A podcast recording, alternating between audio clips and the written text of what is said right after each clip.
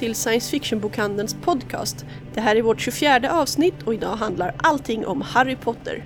Jag heter Jenny. Och jag heter Gabriella. Vi har pratat med eh, flera av våra medarbetare. Signe som har varit med under tidigare boksläpp. Amanda som har vuxit upp med Harry Potter. Dessutom har vi en intervju med Jim Butcher och Anna Westerling som har sysslat med Potter Live och Potter-inspirerade live.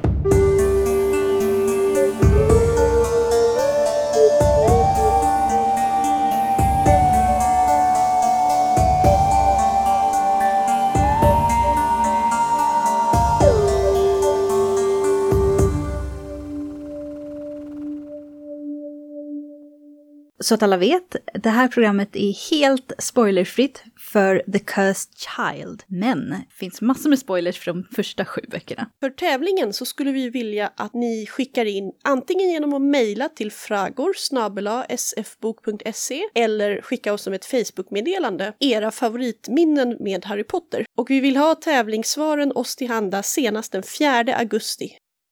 Då kommer Jenny och Signe att prata om hur det gick till förra gången vi släppte något med Harry Potter här i bokhandeln. När kön sträckte sig hela vägen till slottet. Hej Signe! Du ska ju vara med och arrangera Harry Potter-eventet nu. Jajamän! Du och Amanda som jobbar här. Japp. Men det är inte första gången du är med? Nej, det här är nog mitt fjärde Harry Potter-evenemang. Ja, när var det första? Det första jag var med på var precis när jag började jobba i bokhandeln 2007 när den sista Harry Potter-boken släpptes. Då stod jag i kön. Mm, det var en stor dag för alla Harry Potter-fans, kanske det största evenemang som vi någonsin har haft här på science fiction-bokhandeln. Vi hade kö från dörren hela vägen ner till Mynttorget så att det var en stor kväll. Det var ju verkligen enormt. Hade ni, lika, hade ni evenemang då också den kvällen som vi ska ha den här gången? Jo, men vi hade en tipsrunda tror jag.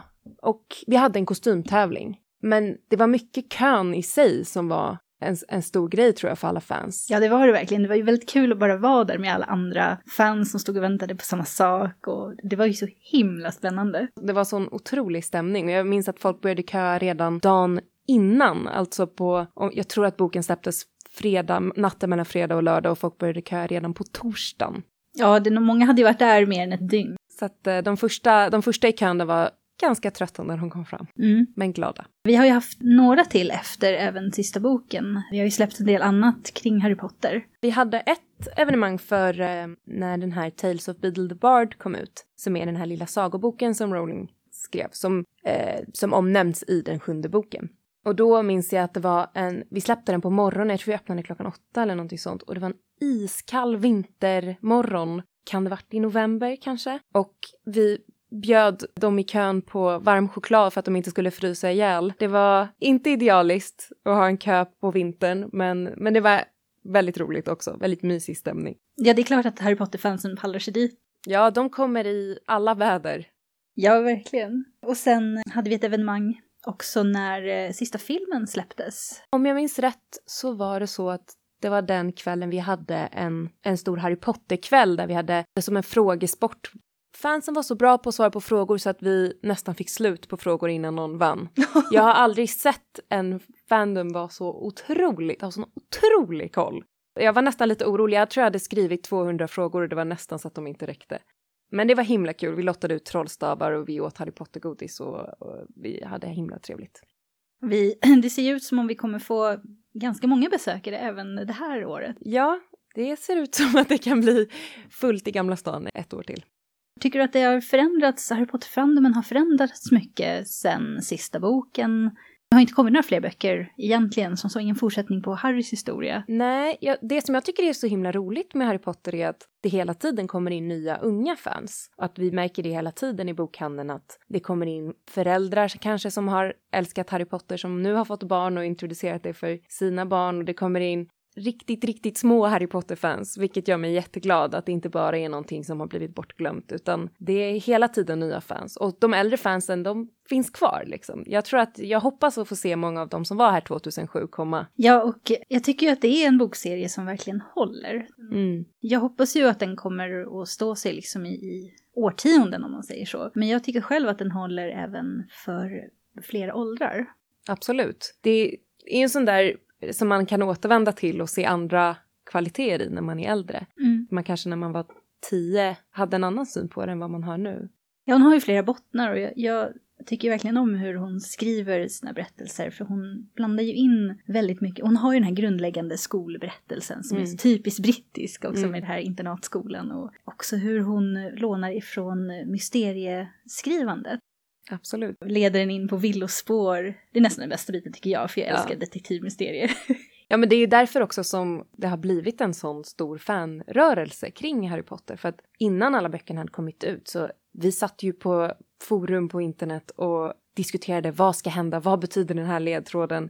Vi kunde ju sitta hela nätterna liksom. Det finns, det är så tacksamt för fans att få följa den här, det här, som du säger, den här mystiska delen av det. Jag gick ju på det. Jag kommer ihåg när jag läste första boken. Jag gick ju absolut på det här villospåret. Jag trodde ju att Snape var skurken. Ja, ja, absolut, det trodde jag med. Och jag blev så överraskad. Jag hade inte alls förväntat mig att det var den det var. Nej. Men ja, alla diskussioner medan böckerna kom ut och alla Mm. teorier har ju varit så himla roliga. Och du har ju själv haft eh, ett, ja det största svenska Harry Potter-sajten. Ja, jag var med på eh, Swedish Rolling Fan Club och drev forumet där och höll på.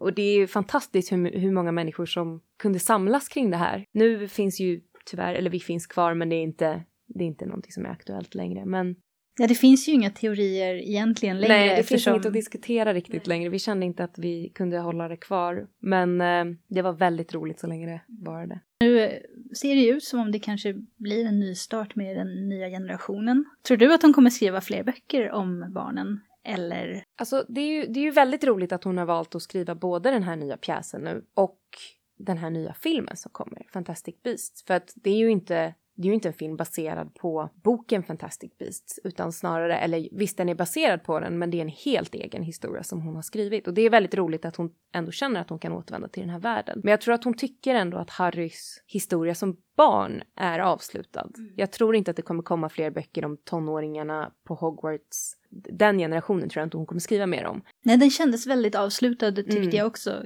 Jag har ju inte kunnat låta bli, utan jag har ju läst en hel del avslöjanden om den här pjäsen då, The Cursed Child. Har du gjort det? Inte så mycket faktiskt. Jag har hållit mig borta lite från det. Jag har läst en del om skådespelarna och läst lite sån här hur det går med själva pjäsen att- Ja. i, i London. Inte läst så mycket om vad som faktiskt kommer hända. Det tror jag får bli en överraskning. Ja, jag, jag är väldigt spänd. Det är svårt att släppa någonting helt och hållet som man har varit så involverad i så många Ja, år. verkligen. Men man tror ju att man är över det och sen så, så fort man får höra om någonting nytt så blir man alldeles Ja. liksom, va? En ny grej? Jag måste ha direkt. Fantastiskt! Men om du ser tillbaks nu över åren, är det någonting, någon eh, händelse, någonting speciellt som du verkligen kommer ihåg i samband med Harry Potter här, som har hänt här i butiken i samband med premiärsläpp eller liknande? Det stora för mig var väl det här när 2007 när sista boken släpptes och se, till att börja med för mig att få träffa en massa människor från hela Sverige som jag hade pratat med på internet. För det var så många som kom hit bara för att gå på den här boksläppet. Och den stämningen som var den kvällen, den har liksom hängt med mig under alla Harry Potter-grejer vi har haft där. Att det var så lycklig stämning och sån ledsen stämning på en gång. Folk var så ledsna att det var slut men så glada att de skulle få den här sista boken. En sån här historia som jag ofta berättar från bokhandeln är, vi säljer ju trollstavar och en gång kom det in en liten kille och bad mig om hjälp för att hitta den rätta trollstaven. För han var trollkarl. Han var magiker och uppträdde med trolleritrick på barnkalas. Han var så seriös om vilken trollstav han skulle ha och jag blev så glad att det är liksom den här nya generationen Harry Potter-fans som bara tar det på lika stort allvar som jag gjorde när jag var 11 och det var så himla kul att stå där som vuxen och prata med den här lilla killen som visste precis som jag hur viktigt det är att ha rätt trollstav när man är Ja, man känner verkligen den här samhörigheten med någon människa som man aldrig har träffat Ja, förut. verkligen. Någonting som man måste fråga alla Harry Potter-fans som man pratar med, det är ju vem är din favoritfigur i serien? Det där har förändrats mycket för mig genom åren. Jag har alltid gillat Hagrid mycket. Jag har alltid gillat Ron mycket också. Jag vet att folk generellt inte gillar honom så mycket. Jag tycker jättemycket om Ron, men jag tror också att eh, filmerna kan ha påverkat väldigt mycket hur, hur fansen ser på figurerna. Ron är ganska annorlunda i filmerna mot hur han är i böckerna. Mm, det är sant. Hans humor har försvunnit lite. Det han bidrar med, väldigt mycket kunskap och sånt, har ju i filmerna, de replikerna har ju ofta getts till Hermione, som Mm. jag också tycker jättemycket om. Mycket av det som Ron gör fördelades bort från honom. Och det är klart att man inte får ett lika positivt intryck då. Nej, det de har gjort i filmerna är att de har försökt göra Hermione och Ron till väldigt olika människor. Och det är svårt att se varför de tycker om varandra så mycket. Medan i böckerna så har de kvaliteter som båda har. Ja, man får se deras samförstånd också, Ja, inte bara precis. där de är olika. Och man får se när de samarbetar mer. Min favorit är Harry. Jag föll för honom direkt när jag läste första boken för att jag tyckte han var så himla rolig. Hans liksom syrliga kommentarer om hans släktingar Mm. var ju bara så roliga. Och det saknade jag i filmerna. Han är väldigt seriös i film, eller han är väldigt dramatisk i filmerna. Ja, och snäll. Mycket Mm. snällare än i böckerna. Vi, ska, vi ska kanske inte säga det, han är inte elak i böckerna. Men han har den här syrligheten. Ja, Ja, som jag saknar i filmerna. Och så har han inte svart hår och gröna ögon. Där får de smäll på fingrarna. Jag har alltid tyckt väldigt mycket om filmerna också, men jag har alltid försökt se dem som en separat, som sin egen grej. Jag ser filmerna Som en julen, jag liksom har ett maraton och ser alla filmerna och det är en sak. Men när jag läser om böckerna, det är en helt annan värld. Ja, det är ganska olika stämning i böckerna och filmerna. Men det behöver inte betyda att den ena är bättre än den andra. Nej, och det är också väldigt roligt att filmerna har lett till att så många har börjat läsa. För att de har sett filmerna och sen så har de börjat, ja, ah, jag kanske ska testa läsa den här boken i alla fall. Så har ju du träffat en författare till några böcker som handlar om en helt annan trollkarl, som, men han heter också Harry. Ja, och dessutom refereras ju Harry Potter till i böckerna. Men eh, det får Jim Butcher berätta om i den här intervjun.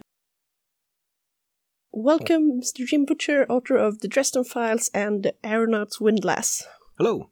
Uh, it's great to have you back here in Stockholm. You were very popular both this time and the last time, and we were so happy that you came and visited our stores again. Oh, it was so pretty here. I decided to come back for vacation, so I figured as long as I was here. And you choose the right uh, time of year too. This is a podcast uh, mostly focused on a young boy wizard named Harry Potter, and you have written about a slightly older wizard called Harry Dresden. Yes.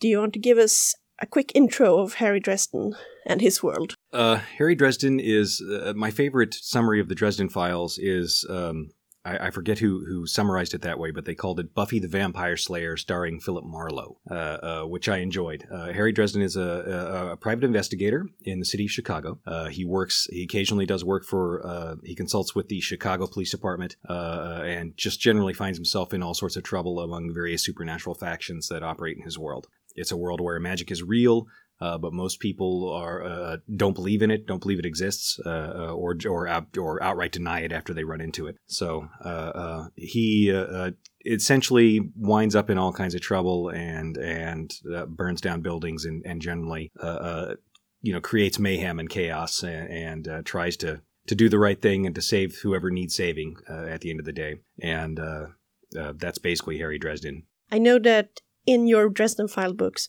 Harry is aware that there's a fictional wizard who shares his name, and he's also a major role playing, uh, board gaming uh, geek and such on. Yeah, yeah, he is, and he's he's got copies of uh, Harry Potter, you know, on his on his shelves at home. Yeah. What is his opinion of the Potter world?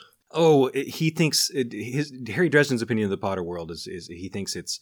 Uh, it's all very con- the magic is all very convenient. Uh, uh, that you you got if you have the wand and you say the word and the magic just happens and it's so much easier to do than the magic that he learned, uh, uh, which took him you know many years and much pain and suffering to be able to to be able to to master it. And uh, so he kind of looks at that and goes, "Ah, the magic's too easy, but I like the story." You know. Was there any particular reason that you chose his name?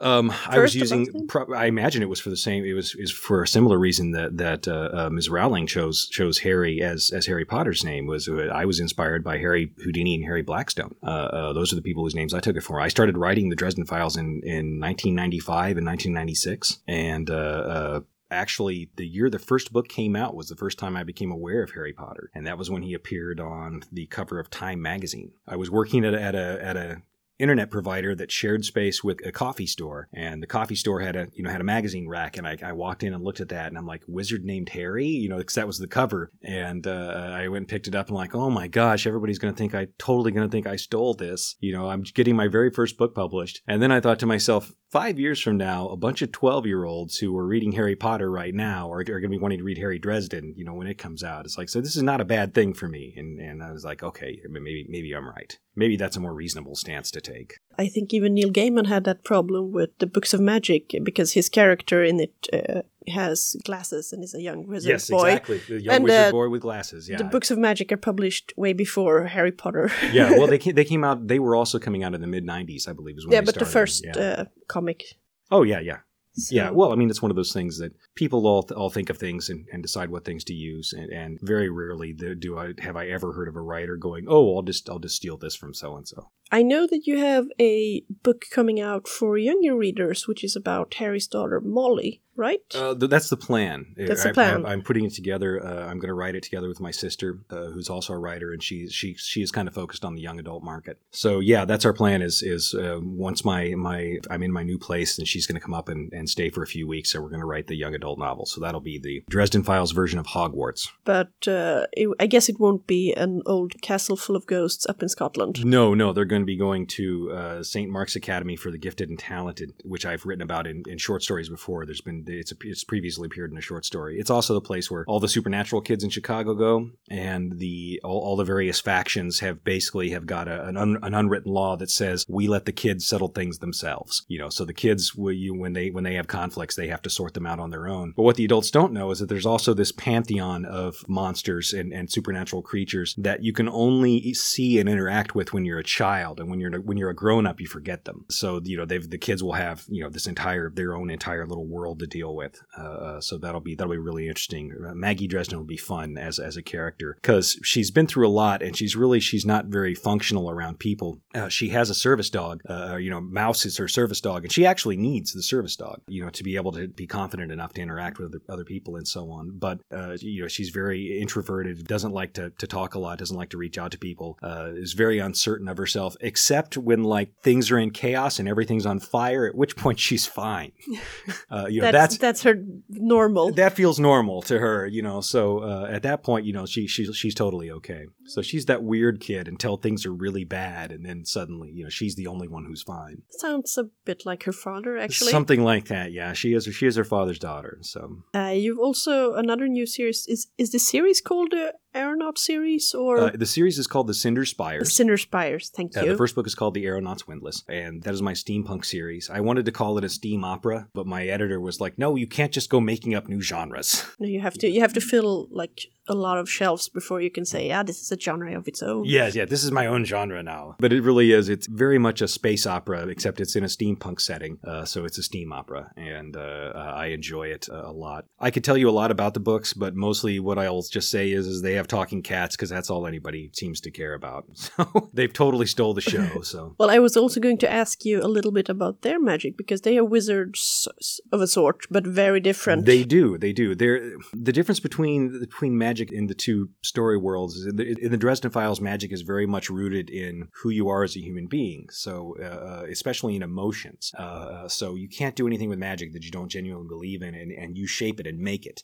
and and you make it do what you want it to do. Um, in the Aeronaut's Windless, magic is essentially it's this for it's this source of energy that we don't didn't really know anything about. Uh, something that it, it operates on on a set of laws and, and physics of its own. And the, what wizards do, you're, they're not called wizards; they're called etherealists. But what they do is essentially they just do the things that you could do if you could build an electrically powered machine, for example. Except they can get the effect without actually stopping to build the machine. They just sort of build the machine in their brain, and and then the power courses through it the way it would is if you could build a you know a, a sudden imaginary computer and make the computer do things. They can ju- they just get to skip that troublesome step where they they have to build the computer, you know. But doing so also means that this energy is flowing through their their heads, and that does strange things to their heads. So they're not really all there, you know. Uh, an etherealist, you can be certain that they are not sane. The only question is what kind of crazy are they? So if it's the if it's the guy who's bumping into walls and talking to himself, that's okay. That's not too bad. The etherealist though, who is like calm and collected and asking you to tea, that's the one you got to worry about because maybe the crazy goes deeper and is more dangerous in that one. So So they are they are unreliable unless you can see that they are very very odd. And Yeah, they're unreliable in a different way. yeah, they're, they're oh they're unreliable. That's there. There's no question about that. The question is, you know, in what direction are you going to have to worry about them? but it, it's a very charming book. The first one I've read it, and Thank I you so loved much. it. It Thank was you. it was just such a fun world to discover. and we're going to continue doing that. We're actually going to get to go to the surface in the next book. We're going to get to go see another spire and see how different the culture is Oh, over there because great. the cultures are so isolated because everybody lives in these everybody lives in these spires, these enormous towers, and uh, uh, and so when you you're that isolated from other people, you know your culture can go all kinds of crazy ways, and there's no baseline for you to compare it to, especially when it's so hard to travel from spire to spire. So the people who do the traveling get to who get to see all the all the wildness of humanity just get to eventually they just get to be very jaded about it. They're just like, oh, okay, that's weird. Yeah, that's th- th- that's odd and all, but I've seen Stranger. Traveling and discovering new worlds is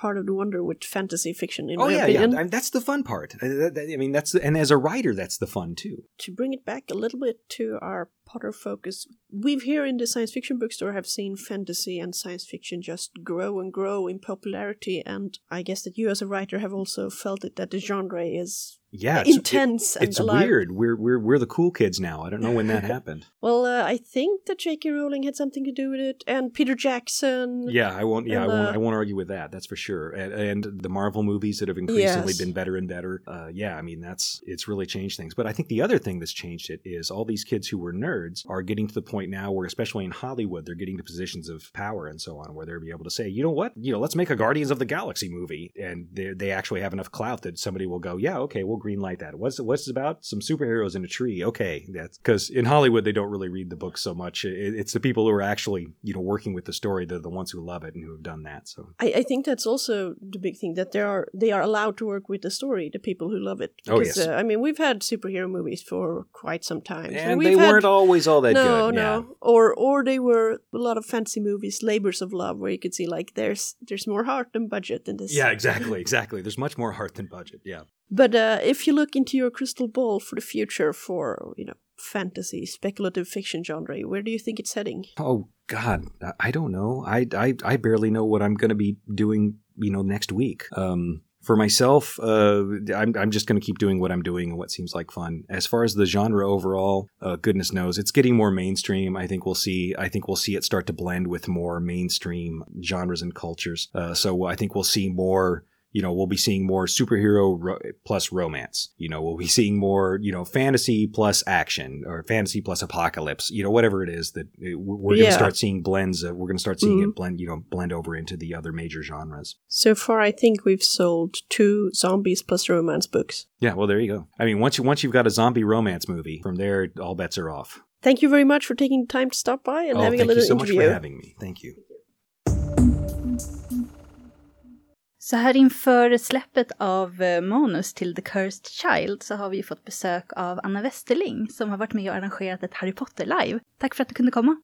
Tack så mycket. Kommer du gå och se pjäsen om du får chansen? Absolut, jag är jättenyfiken. Ja, du kommer köpa manus också antar jag. Japp. Det är inte så säkert att vi kommer få chansen att se pjäsen här i Sverige, men det ska handla om Harry Potters barn. Hon har ju en tendens att jobba generationsrolling. Alltså vi har eh, Snape och James Potter och sen är det Harry och dem. Och så nu har hon säkert hittat på något ytterligare. Så det Ja, ska bli hört? väldigt spännande. Ja, jag har du hört några avslöjanden? Nej.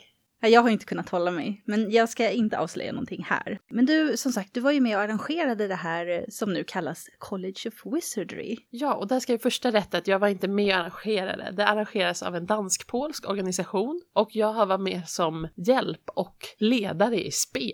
Eh, där jag har agerat rektor för den här College of Wizardry. Och varför det är College of Wizardry? Att för på Hogwarts då är man ju liksom, ja nu vet jag inte, grundskola mer, hur var det nu heter på engelska termer. Och sen det här är liksom det man fortsätter till efteråt, så eleverna är mellan 18 och 20, så det är college. Och vi har tre år med juniors, sophomores och seniors. Ja, det låter ju roligt, så det är lite som de som har gått ut Hogwarts. Precis. Och sen är du här inte längre i Harry Potter-världen, utan det här är ju numera en mer generisk trollkarlsvärld med inspiration av Harry Potter. I början när de arrangerade det här så sa de ju att det här är ett Harry Potter live och hade en väldigt tydlig därifrån. Och så gjorde de en trailer som fick över en miljon träffar på Youtube. Och när man gör ett Harry Potter live och får den typen av uppmärksamhet, då ringer Warner och säger hej, vi äger rättigheterna till det här. Ja, de äger ju rättigheterna till typ allt har jag förstått. Ja, och då var Warner ändå snälla för då fanns det ett live som var utlyst och sa de gör det här men efter det så får ni inte göra mer. Så nu gör organisationen alltså live som är inspirerade av Harry Potter. Så det är en mer generisk trollkarlsvärld om man inte pratar om mugglare och quidditch och sådana som är så typiska Harry Potter. Men man har andra, andra men väldigt mycket inspiration. Vad gjorde ni på, på livet? Alltså livet är ju två skoldagar. Ja. Så man har ju, ett, precis som en vanlig skola, har man ett schema och då har man 45 minuters lektioner och de är ju designade för att det inte ska bli tråkigt. Alltså det ska inte vara som att gå i skolan på riktigt utan korta 45 minuters lektioner så har man kvartsast. kvartsrast. Så då har man sex stycken 45 minuters lektioner mellan 10 och 4 och som man går på och då man kan ha mind magic med mig, man kan ha physical education, man kan ha magical theory, det finns alla möjliga, man kan ha demonology, alla möjliga typer av ämnen och de som spelar lärare, vi är ju andra lajvare så vi vill ju göra bra och roligt spel också. Och sen efter fyra då är det ju extra aktiviteter och då brukar det ofta vara någon typ av sport. Eh, när det var Harry Potter var det quidditch, nu är det lite mer fireball då vi har tagit bort det här med att man ska flyga på kvastar eftersom det inte funkar så bra i vår mugglarvärld. Ja, det är ju ett problem alltså. Ja, så att nu har de bara kastat bollar på varandra och springer omkring. Det är ett väldigt stort och fint slott det här, för det finns en skog som är förbjuden och det finns flera klassrum och torn. Man har eh, vissa lektioner är uppe i tornet och det finns också flera lönngångar man kan smita i. Så att efter skolan brukar eleverna underhålla sig fram till då curfew som är vid när är det? Det är 12, så det är ganska sent, så man har ändå tid på sig att springa omkring och då är det ju liksom fri lek. Och till det här har vi förstås också en huskupp, för på det här colleget finns det ju fem olika hus. Vi har allt från Faust som är det lite mer ordentliga huset och sen har vi Libussa som är det mer estetiska huset. Eh, vi har Molin som är liksom huset som har mycket familj och sådana saker. Ja. Det finns fem olika hus som man är i sitt hus och hus som lärare ger man husen poäng och sen räknar man ihop vem som vinner den här huskuppen och det brukar också vara väldigt mycket med det att som lärare får man, alltså jag förstår ju att Rowling har ju inte, det är ju inte så himla bra för jag till exempel, jag var monitor för ett hus och då, kom, då vill man ju det huset väl och så kommer de eleverna och bara professor, vad kan vi göra för att få lite poäng? Och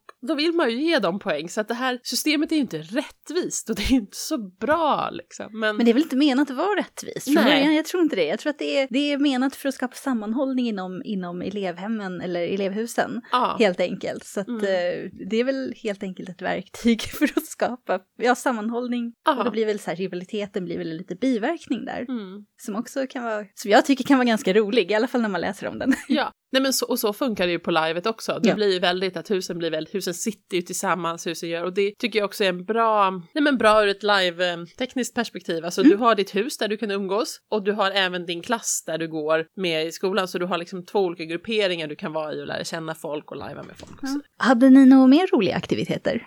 För först hade vi klasserna och efter klasserna, på fredagskvällen var det fria aktiviteter och på lördagskvällen var det ju den stora balen. Oh. Och det var då också när huskuppen blev avgjord. Balen, mm, ja men dels ska man gå två och två. Och det här har vi ändrat på lite, för där till exempel i vår Harry Potter-värld så spelar det här med kön inte någon roll, så att man kan gå två tjejer eller, och sen började vi också faktiskt, man kan gå fyra och fyra, två och två, men man försöker gå tillsammans på något vis, så att, vilket skapar hela det här dating-spelet. Och sen har vi faktiskt gjort så på slutet att det är helt okej att gå själv också så att folk slipper bli nervösa. Men det är ändå roligt. Mm. Ehm, så då får man marschera in i den här stora fina salen till fin musik och sen gör vi då valser. Och det är, åh, jag brukar också lära folk att dansa, vilket är jätteroligt eftersom inte jag kan dansa. Men, men det är ju mer så här, gå fram och tillbaka lite. Det viktigare är känslan än att du dansar rätt. Och det brukar vara väldigt roligt. Och då har man kanske en halvtimme pardans och sen är det lite mer ungdomsmusik som min roll brukar kalla det, det vill säga vi kör modern musik. Ja, lite mer disco. Lite mer disco, precis.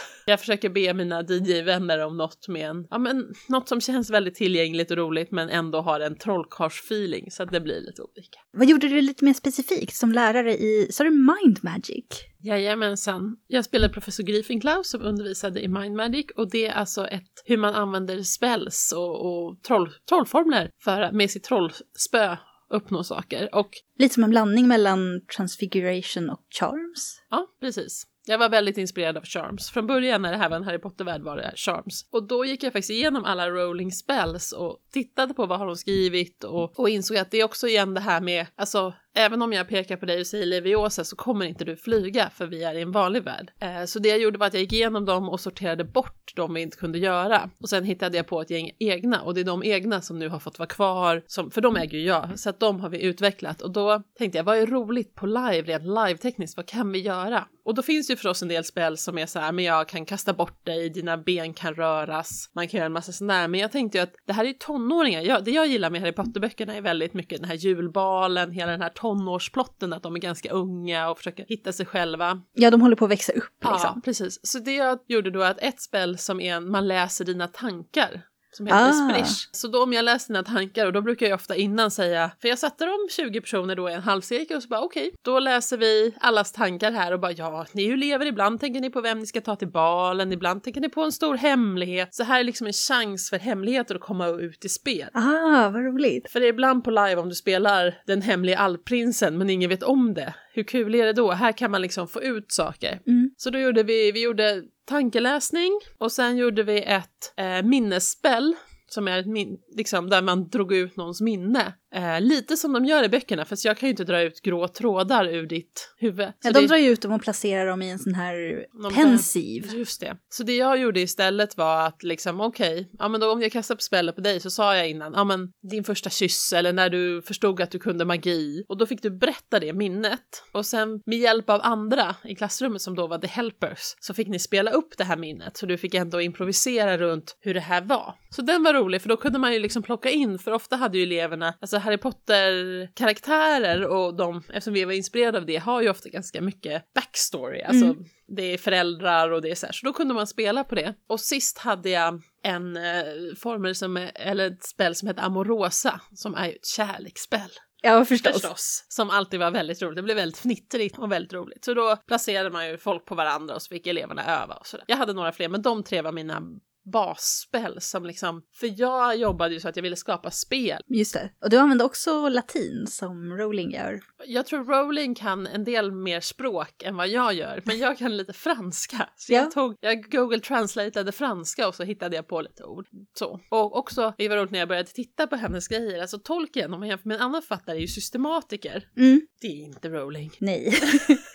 Hon, hon, hon har ju liksom egentligen när hon har kommit och hittat, behövt hitta på ett nytt ord, har hon hittat på ett nytt ord. ja. Det är väldigt svårt att förstå hur det här systemet är uppbyggt om Mm. det finns liksom, men man kan ju hitta, om man pratar Rowlings grejer har man ju lokomotor, är ju liksom för att röra sig och så har de lite olika typer på den, men det är fortfarande systematiskt inte riktigt. Jag systemerade lite grann, men Ja, precis. Hon har ju inte gett ut någon eh, trollformsbok till exempel. Eh, vilket folk har frågat efter. Och man säger nej, jag tror inte hon jobbar riktigt på det sättet. Nej, åh, jag skulle älska att skriva en sån bok. Till den här, när du kommer som elev så får du en bok. När det här var Harry Potter, då skrev jag ju, då tog jag ju hennes spel. Spel som behöll så många av dem jag kunde, för jag kände att jag ville vara sann till liksom böckerna. Mm. Eh, och så stoppade jag in lite av mina egna och då systematiserade jag dem att man kunde ha sådana som påverkade liksom kroppen, som är så här, flyttar din hand, eller typ expelliarmus, som är den som man får eh, troll, trollspöet och flyger ur handen. Den skrev jag om lite grann, så istället för att det är trollspöet som flyger så är det din hand som får den här magin, så din hand kastar bort den. För det kan du göra i spel, trollspön kan inte flyga.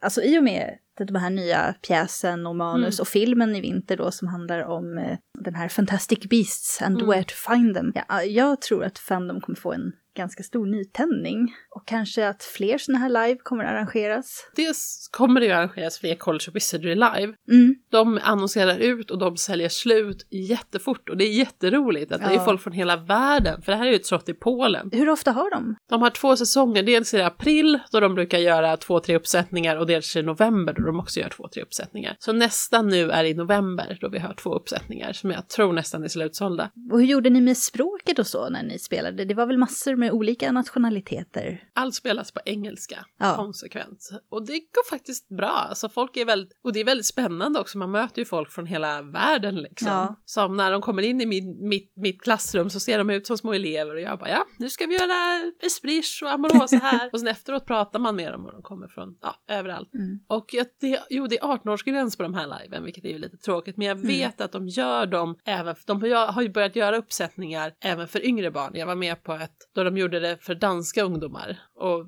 undervisade på danska för danska ungdomar. Så det börjar komma lite också. Hur ofta är du med och jobbar på deras live nu? Nu har det varit ganska intensivt. Jag var med i våras ja. på den säsongen och var med på två, två spel då. Och sen var jag med lite i höstas sådär. Så att, men det är lite nu och då. Nu har jag nu, jag har varit med på fem av de här Wizardry totalt. Så just nu känner jag mig lite mätt. Nu ja. tänker jag låta andra vara med och eh, vara rektor och ta hand om det här slottet. Men vi får se. Sen vill jag också, jag vill uppmuntra verkligen folk som gör Harry Potter live här i Sverige, så man behöver inte ha ett påslott. Nej, det finns ju massor med svenska slott. Ja. Det kanske finns något här som man kan eh, leta upp och arrangera Säkert. på. Ja, nu eh, som sagt när det kommer lite nytt igen så kanske vi får en, en ny influx av nya fans som är entusiaster och vill göra sånt här. Och eh, då kanske de till och med kan kontakta dig. Absolut. Tack för att du kom. Det ja, var jättekul. Tack så mycket. Amanda, du är ju ett gammalt Harry Potter-fan. Hur länge har du tyckt om Harry Potter? Jag fick ju min första Harry Potter-bok när jag var åtta. Så det var precis när den hade kommit ut. Och min pappa som är den som introducerade nördiga böcker till mig först, han är ju gammalt SF-fan. Jag läste mycket science fiction på svenska. Han gav den till mig och fick den signerad så här, Amanda Alling i bokens perm och jag slukade den tillsammans med honom. Så vi läste den tillsammans först. Så du har växt upp med Harry Potter och det här var ju alltså 2000 när boken kom på svenska. Mm. Ja, det är många som har gjort det, många som har växt upp med Harry Potter. Inte jag, för att när boken kom ut på svenska, jag läste den också först på svenska, då var jag faktiskt redan 22, men jag tyckte den var helt fantastisk ändå. Jag skrattade så jag grät. Speciellt den här biten när de åker ut eh, i båten och försöker fly undan alla de här breven som skolan skickar. Jag är ett gammalt fan av Roald Dahl också. Mm, jag det med. Så många, ja, det fanns så många likheter tyckte jag mellan dem. Det är väldigt mycket man kan relatera till. Väldigt mycket barndoms hemskheter och saker som man inte kan påverka. Och sen finns det alltid en utväg i böckerna som gör att man kan få hopp och det är så mycket roliga, tragikomiska grejer som händer. Ja, många tycker ju att eh, hon tar lite för lätt på alla hemska saker som händer i Harry Potter-världen. Men jag tycker att eh, det är befriande att det skrivs på ett sånt sätt också. Även om det ibland blir ganska mörk humor så är det ändå roligt samtidigt. Han blir ju väldigt illa behandlad av sina släktingar. Men som du säger, han lyckas ju ta sig ur det. Inom sig är han ju ganska fri ändå. Det är ju inte så att han är mentalt förtryckt särskilt mycket. Det var det som jag föll först för Harry, det var ju att han gav igen så gott han kunde när han kunde. Det är nog en av anledningarna till att böckerna är så populära både bland äldre och yngre fans. För att när man är yngre så reflekterar man ju inte så mycket på de hemskare grejerna. Man noterar att det här är hemskt, men man kanske inte inser djupet av hemskheterna. Någonting man själv kan läsa in mellan raderna när man är äldre. Det ger också mer djup till berättelsen. Man får lägga in sina egna tankar och åsikter kring det hemska. Men att man också kan välja att läsa det positiva. Det är antagligen därför det är så många föräldrar som tycker om att läsa böckerna med sina barn också. Det är inte bara läsning för barnen, tror jag inte. och böckerna växer ju tillsammans med Harry. Det mm. tycker jag är väldigt intressant hur de skriver att gradvis blir ju Harry mer medveten och då blir läsaren mer medveten mm. också. Reflekterar över världen och varje äventyr i böckerna blir ju svårare och djupare och tonårens eh, beslutsångest och hemska aggressionsproblem som man hade. Jag tycker ju femte boken är alldeles underbar. Just för hur jobbigt allting är i den. Mm. Och hur fel allting går. Mm. Han gör sitt bästa, men just det här missen med de här speglarna. Det var ju så fruktansvärt frustrerande. Och samtidigt förstår man ju varför det händer. Man är med honom varje del av vägen. Och hur arg han blir. Och det här sista strimman hopp som han verkligen får där. Han har kanske sista chansen att ta kontakt med Sirius. Men det är ju för sent. Mm. Det tyckte jag verkligen var... Ja, verkligen. verkligen. Det är en av mina favoritböcker faktiskt. Min favoritbok av de sju det är faktiskt sjätte boken. Mm. Den tycker jag väldigt mycket om. Varför det? För första så har Harry kommit över den här, alltså han har haft sin värsta kris. Och så har han börjat mogna men samtidigt så har han ju kvar det här, han blir lätt besatt av sina idéer. Och han smyger omkring och snokar överallt, försöker hitta lösningen på problemen. Och han brukar ju alltid ha så himla fel, han misstänker ju alltid fel person. Och i den här boken så misstänker han för en gång skull rätt person. Och ingen tror ju på honom. Och det är både roligt och hemskt samtidigt. Mm. Och sen är det ju också boken när Draco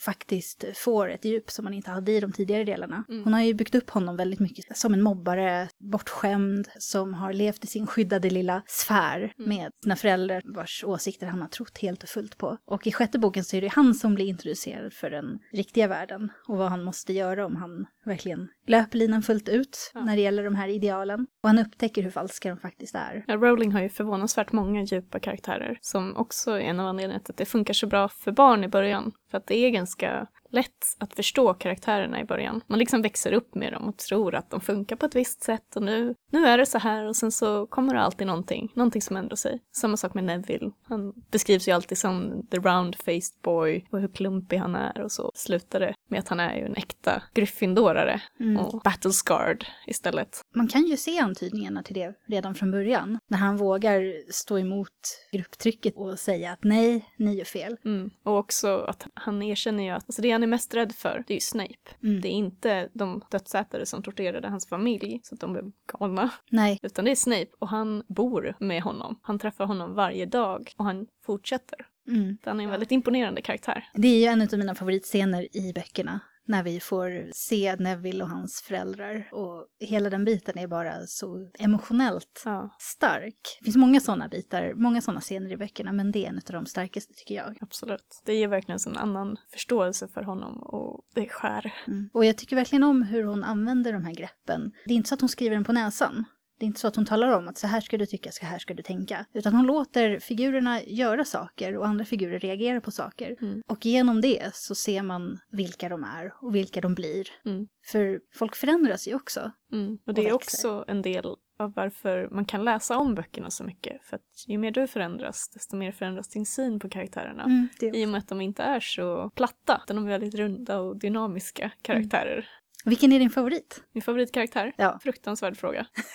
Eller hur? Men det är som att jag ska välja favoritbok, jag kan inte. Nej. är, de sitter ihop för mycket. Men favoritkaraktär, jag har ju alltid älskat Hermione. Mm. För att hon var, i början så är det inte så många kvinnliga karaktärer. Nej. Jag kunde relatera ganska mycket till Hermione för att jag var ganska fyrkantig när jag var liten och inte alltid omtyckt för att jag, jag sa vad jag tyckte och andra kanske inte ville höra precis det. Att vi borde inte göra så här för det är reglerna jag säger så här. Samtidigt som att man kan stå, stå upp för saker som man känner är fel. Men hon är inte alltid omtyckt för det. Nej, jag tycker om det med Hermione också, att man får se den här sidan av henne, den är ju, det är både av godo och av ondo, precis som med alla andra personer i böckerna. Mm. Att ibland så slår det här fel och ibland så är det precis det som måste göras. Och Mm. att växa upp innebär ju att kunna avgöra när man ska använda de här egenskaperna, på vilket sätt. Och det lär hon ju sig ganska snabbt. Alltså Mm. hon lär sig när kan jag tänja lite på reglerna för att platsa in och kunna ha en trevlig relation med folk. Mm. Eh, någonting som hon lär sig. Jag, jag fick känslan av att hon var lite socialt oerfaren på det sättet Mm. när hon kom dit. Och att hon också hade lärt sig att om man följer reglerna så går allting bra. Och att hon vartefter kanske märker att det finns regler som kanske inte alltid bör följas. Mm. Det representeras ju extremt väl utav Umbridge. Ja. Alltså den Absolut. bästa skurken, den bästa antagonisten. Hon är så hemsk och så underbar på en och samma Ja. gång. Och hon representerar allting jag tycker är hemskt Den liksom. där byråkratiska ondskan verkligen. Ja, och rosa. Utan- ja, Hatar rosa. den värsta färgen. Just den här kontrasten mellan hennes egen motbjudande person och det här väldigt fluffiga, gulliga omkring henne som kattungar och rosa. Som beskrivs på ett sätt, jag tycker det är så intressant för att även någonting så gulligt som kattungar förvrängs i hennes närhet till någonting eh, hemskt. Och, Ja. Som att man blandar allt gott man har i kylskåpet i en mixer och det blir bara äckligt. Men jag tycker där Rowling är ju lite av ett geni när det gäller skurkar på den nivån att eh, hon är inte ens på Voldemorts sida. Men det känns lite som att hon mest är ute efter personlig makt och hon njuter av att utnyttja den här positionen som hon har. En sak som gör att jag gillar femte boken väldigt mycket det är just att hon är med och, och hur alla reagerar på henne och på hennes regler. Alltså bara José och de andra lärarna, som annars inte är så framstående personer i böckerna tas med henne är ju väldigt eh, roligt. Både Snape faktiskt, som man annars inte sympatiserar så här med himla mycket med. Och eh, naturligtvis McGonagall, som jag tycker är helt fantastisk Ja, hon är så... Ja, min favorit har ju varit Harry från början. Och jag var ju som sagt vuxen när jag började läsa böckerna. Och jag uppskattade verkligen det här att han inte alltid är så snäll. Han gör inte alltid rätt val. Han är ganska kantig till sin personlighet. Lite av en ensamvarg. Han misstror ju alla, men det är ju ganska förståeligt också med Ja, det tycker jag också att Det är ju ett resultat av hans uppväxt. Man märker hur hans uppväxt har påverkat honom utan att Rowling säger i klartext att Harry är lite ensam av sig för att han litar inte på vuxna därför att eh, hans eh, familj var som den var utan man märker det på hans beteende. Man får se lite av hans hemliv och man får se hur han har blivit av det. Mm, Det är något som jag gillar. absolut. Det är ett väldigt verkligt sätt att hantera saker. Så man behöver inte, när man mår dåligt, behöver man inte vara ledsen hela tiden eller så, utan det kan resultera i andra grejer. Det känns jättebra att det tas upp på ett sånt här sätt, för det gör att det är lättare för en att reflektera om sitt eget liv när man är ung och eh, kanske hitta en lösning. Ja, han är ju väldigt eh, proaktiv i alla fall. När han får något problem så försöker han ju alltid gå vidare och försöker alltid hitta någon lösning. Hans största problem är ju då kanske att han allt försöker göra allting själv. Mm. Jag tycker verkligen, verkligen om i slutet på historien då när Ron och Hermione verkligen bevisar att vi står alltid vid din sida. Du behöver inte göra det här själv, vi är med dig hela vägen. Mm. Han litar ju till och med på Neville där. Ja. Att han, han har ju insett att Neville skulle varit den andra utvalda. ja, det kunde lika gärna ha varit. Då när han väljer att berätta hemligheten till hur man gör slut på Voldemort för honom så känns det som att han ändå har delat med sig av så himla mycket. Ja. Och lägger så mycket i Nevilles knä, vilket Neville verkligen förtjänar. Mm. Han har verkligen bevisat. Och det är ju också en så himla stark scen när Harry ändå själv måste gå och offra sig på slutet. Jag är ju lite svag för självuppoffringshistorier. och jag tyckte den var väldigt, väldigt bra gjord. Mm. Den var väldigt fin. Och också samma sak där, att vi får lite mer djup i karaktärerna med eh, Malfoys mamma. Som väljer att, nej, jag vill få ett slut på det här. Den här personen bryr sig inte om min son och jag måste rå om min familj. Det är det som är viktigt nu. Mm. Jag vet att många fans hade ju fått intrycket av att eh, Draco var misshandlad hemma eller att hans föräldrar inte bryr sig om honom eller att han, hans pappa var alldeles för sträng. Men jag hade faktiskt alltid intrycket av att, att han var ganska bortskämd. Ja, jag med. Han har blivit så konfirmerad i att han är så bra hela tiden och att han är så stilig och fin, känns det som. Ja. Jag tror man får konkret bevis på det under någon av böckerna. ja, det kommer ju senare, det gör det ju. Mm. De första fyra böckerna så får man ju veta så lite. Mm. Men jag tyckte även de första scenerna var väldigt, väldigt. De träffas i den här affären för att köpa Mm. skolkläder. Hur Draco pratar då, han är ju så, han är ju snobbig men inte helt medveten om att han är det. Nej, men han är väldigt självgod. Och han försöker ju ändå vara social men han är ju väldigt överlägsen. Och det ger, Fast det alltså, känns som att han försöker vara social för att visa hur överlägsen han är. Ja, är snarare också. än att liksom få en kompis. Ja, han vill visa liksom hur mycket han kan. Alltså och- vem är du? Är jag högre i status än dig? Ja. Och, Det säger han ju redan där, att eh, ja, men dina föräldrar de, är väl, de var väl som oss. Jag gillade ändå när han kommer till den här vändpunkten i sjätte boken. Det tycker jag är lite synd att, att Rowling inte spann vidare på det sen. mm. och det var ju lite stelt sådär på perrongen när de ska lämna av sina barn Mm. 19 år senare. Det var lite ångest över det. Och så här, ja, en stel nick. Ja, jag hade nästan, alltså när jag hade deras sjätte boken så hade jag ju nästan förväntat mig någonting i stil med att eh, nu kommer han gå över till deras sida mer och mer. Mm. Och, Och en del av fighten. ja, och hela huset Slytherin också. Mm.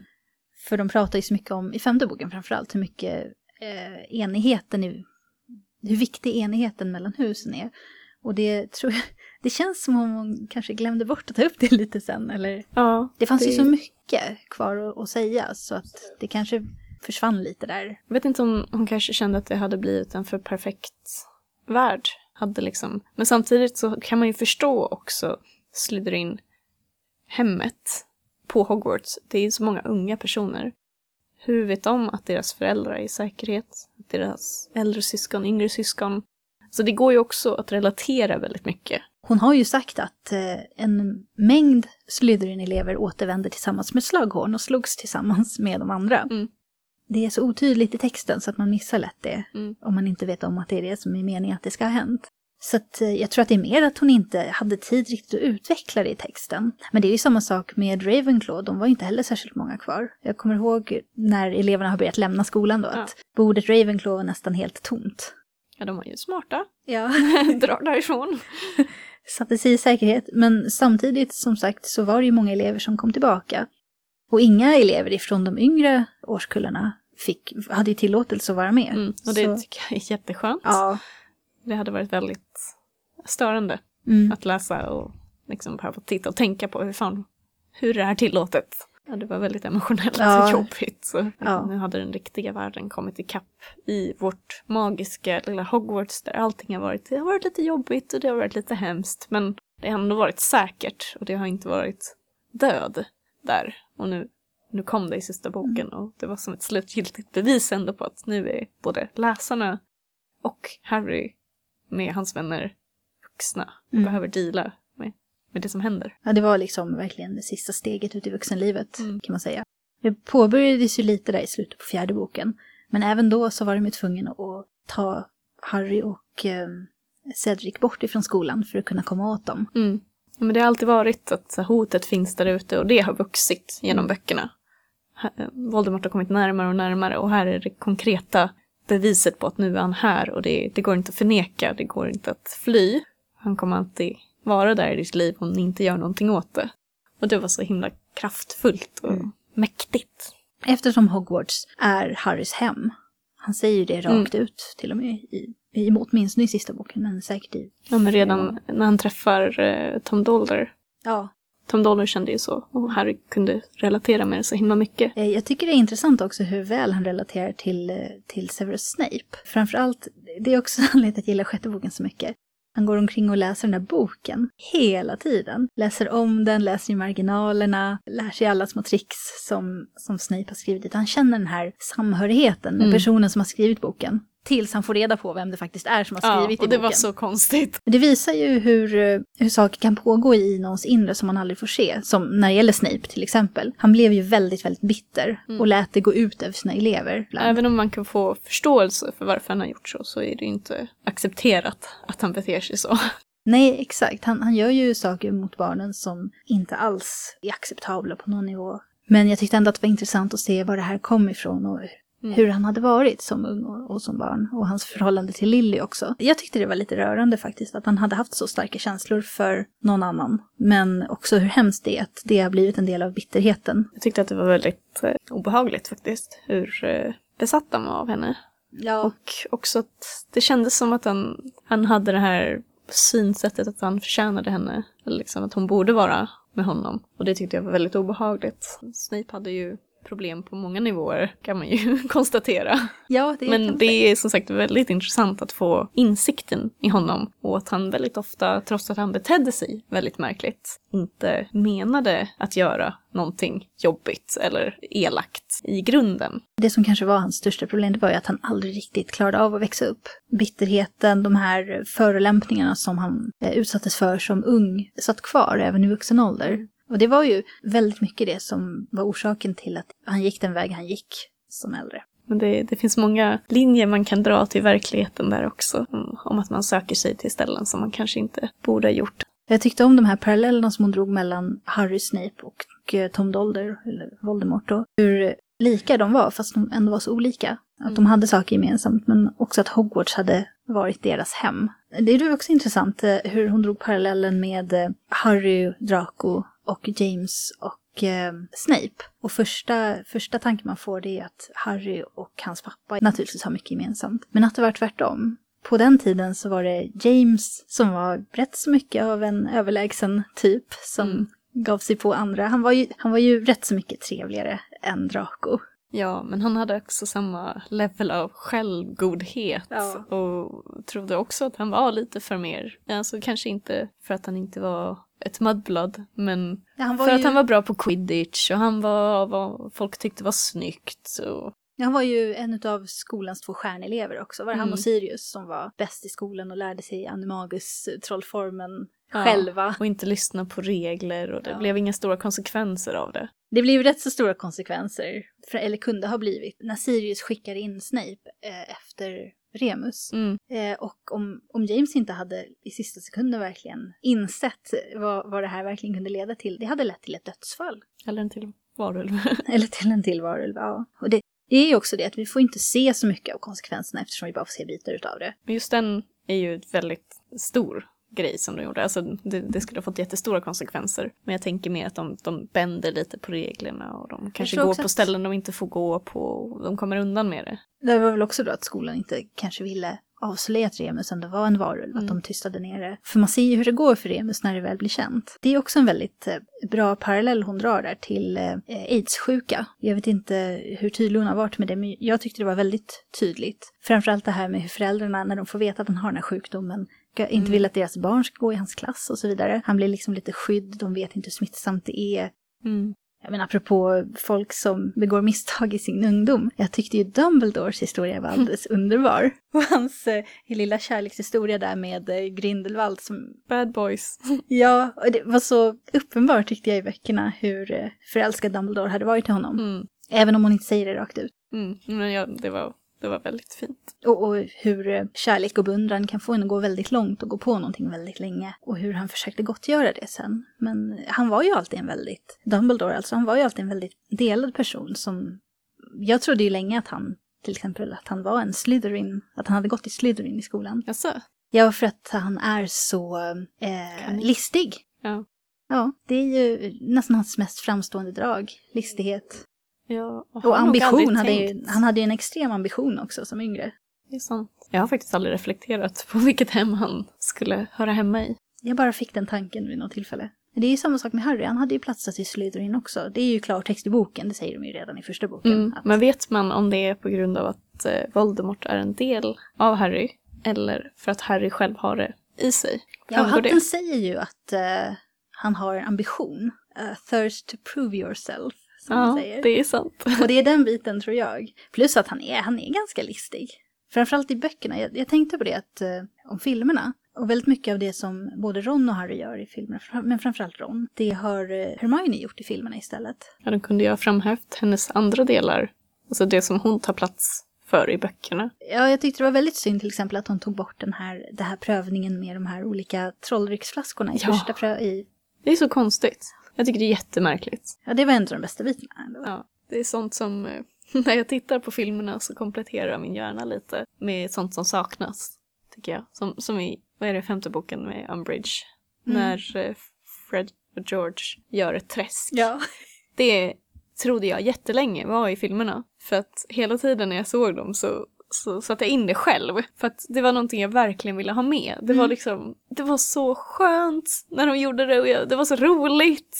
Och, och jag tror liksom på ett sätt att jag, jag, har, jag har nog sett det. Mm. Fast det var bara allt i mitt huvud. Alltså de är ju så himla sköna. Ibland så blev jag ju riktigt arg på dem för hur de behandlade Ron. Ja. Men ibland så var de ju bara så himla roliga. De var lite, vad ska man säga, kaosämnet i Mm. blandningen. Absolut. Men så här godhjärtat kaos. Ja, i grunden. Mm. Absolut. Jag tyckte även eh, när det gäller Percy som väldigt mycket svek sin familj under en period Mm. för, att, för att följa sin egen ambition. Och där gick det också lite fel. Ja, även han kom ju tillbaka till slut. I, I grund och botten så var han ju inte en dålig människa. Nej, och jag tror att det är ganska mycket vad Rowling försöker förmedla. Att det Mm. finns inte så mycket svart och vitt. Utan det är väldigt många gråzoner. Och det är väldigt blandat. Mm. Gott och ont. Och, och mycket tankar kring det. Och det är väldigt underhållande som vuxen att försöka klura ut och tänka på. Ja, man får ju ofta tänka lite på det själv också, för att det blir ju aldrig övertydligt. Det, det är inte ofta som man verkligen skriver, skriver ut det i klartext, så att man måste ju tänka själv också. Och inte bara ta allting för vad det ser ut att vara, alltid. Du har ju läst eh, kursen också, Harry Potter och hans världar. Ja. Hur var det? Det var en jätterolig kurs. Det var väldigt mycket självstudier. Man fick uppdrag för det här ska du läsa. Så här många sidor, det här och det här. Och det, var, det finns jättemycket kurslitteratur om Harry Potter. För det, det är ju så mycket att analysera. Men det är också väldigt mycket litteraturvetenskapliga verktyg som man kan använda. Det var jättekul. Jag rekommenderar den varmt. Mina lärare var helt fantastiska. Och eh, tentan, det är inte ofta man säger men tentan var så rolig. det var verkligen jättekul. Sista tentan var uppdelad i fyra delar. Det, det, det var väldigt olika delar. Det var typ analysera en karaktär, analysera en plats, analysera ett verktyg som används i berättelsen. Men sen så också analysera eh, skaran av fans. Ah, ja. Och varför är Harry Potter-fenomenet så populärt? Och det är ju en väldigt svår fråga. ja, det är en Alltså, jättesvår fråga. Det är svårt att formulera. Man kan inte bara säga att det är så jävla bra. Klart det att kanske- folk tycker om det. Ja. Riktigt Det kan man ju inte säga, men Nej, det kanske blir för, för eh, Man behövde ha kortfattat. ett minsta antal tecken på varje fråga. Det finns väldigt många olika grupper av fans, det gör det ju. Mm. som olika uppdelningar på internet, folk som umgås i verkliga livet, eh, finns ju lajvare och sen eh, folk som skriver fanfiction, lite fanart. Jag tror att en av anledningarna till att Harry Potter-fenomenet blev så stort är också internet. Att man kan eh, få en relation till andra fans. Det finns mycket att di diskutera och man får ett medium där man, precis som du säger, kan hitta sin specifika fangrupp. Ja, mycket växer ju fram genom diskussioner. Det gör det verkligen. När man är ett fan av någonting så eldas man på och man träffar på någon annan och får prata om det och får diskutera vad tycker man är bäst och, och även det som man tycker illa om också, det som man tycker är dåligt. Mm. Kan och då kan man få en. insikt i, så andra kan ju lära en saker om berättelsen också. Jaha, mm. är det därför det här hände kanske? Så får man andra teorier om det. Det är fantastiskt. Ja, och jag tycker fanfiction är intressant också för den kan förmedla en annan syn på, på personer, på figurerna i böckerna mm. som man inte hade innan. Och som kanske ändå författaren till fanficken ändå hade någon grund att stå på som mm. man bara hade missat. Mm. Jag tänkte aldrig på det innan men, men att Draco eh, egentligen, han är väldigt populär. Han är populär i sitt hus. Han rör sig alltid i ett gäng av andra personer som skrattar åt hans skämt och, och liksom... Det är inte bara Crab och Goyle, han har ju ett gäng omkring sig. Absolut. Och jag var så här, ja det hade jag aldrig märkt för att det nämns kanske i någon så mening någonstans. Ja, det framgick ganska mycket för mig. Mm. Men jag tror också för att det var för att det gick att relatera så mycket till folk i verkliga livet mm. som betedde sig som han gjorde. Alltså mobbare. Ja, precis. Som, inte... som är några av de populära och, och det, det var någonting som stack lite i sidan på mig kanske. Ja som, som kanske inte var lika viktigt för dig. Nej, precis. Jag var ju mycket äldre också. Så att när man är ute ur den sfären som grundskolan ändå är, eh, och är, gymnasiet till viss del, men framförallt grundskolan, så eh, tänker man ju inte på samma sätt längre. Man kommit bort från det. Ja. Äntligen. ja, man måste gå vidare i livet. Ja, och det gör jag här också. ja, Jo, det gör ju även de flesta vuxna i böckerna som inte är kvar på skolan. Jag tänkte på att det här med elevhemmen är ju ganska irrelevant för mm. de som inte längre jobbar kvar där eller går i skolan själva. Absolut, men det, det känns ju som att det, det, är ett verktyg för att man ska få en mm. slags tillhörighet och, ja, och hemkänsla. Det, ja, precis. Det återspeglar ju verkligheten. Många riktiga internatskolor har ju elevhem, men det är kanske en annan urvalsprocess då. Jag tänker ibland att eh, det måste ju vara väldigt olika antal elever i varje elevhem. Om man väljer så här, säg att man har 100 elever varje år. Mm. Och det kommer ju aldrig vara att 25 av er kommer vara modiga, 25 kommer vara arbetsamma, 25 kommer vara listiga och 25 kommer vara intresserade av att lära sig saker. Det, det, det måste vara en del väldigt... av antagningsprocessen. ja, jag, jag tror att varje år så så tror jag att det är väldigt olika antal i de olika husen. Mm. För ja, ett år kanske det är typ 80 elever kanske mest av allt säger jag älskar att lära mig saker. Så typ alla hamnar i Ravenclaw ja, nästan. precis. Ja, de borde ju vara barn av sin tid. Det är en mm. intressant tanke.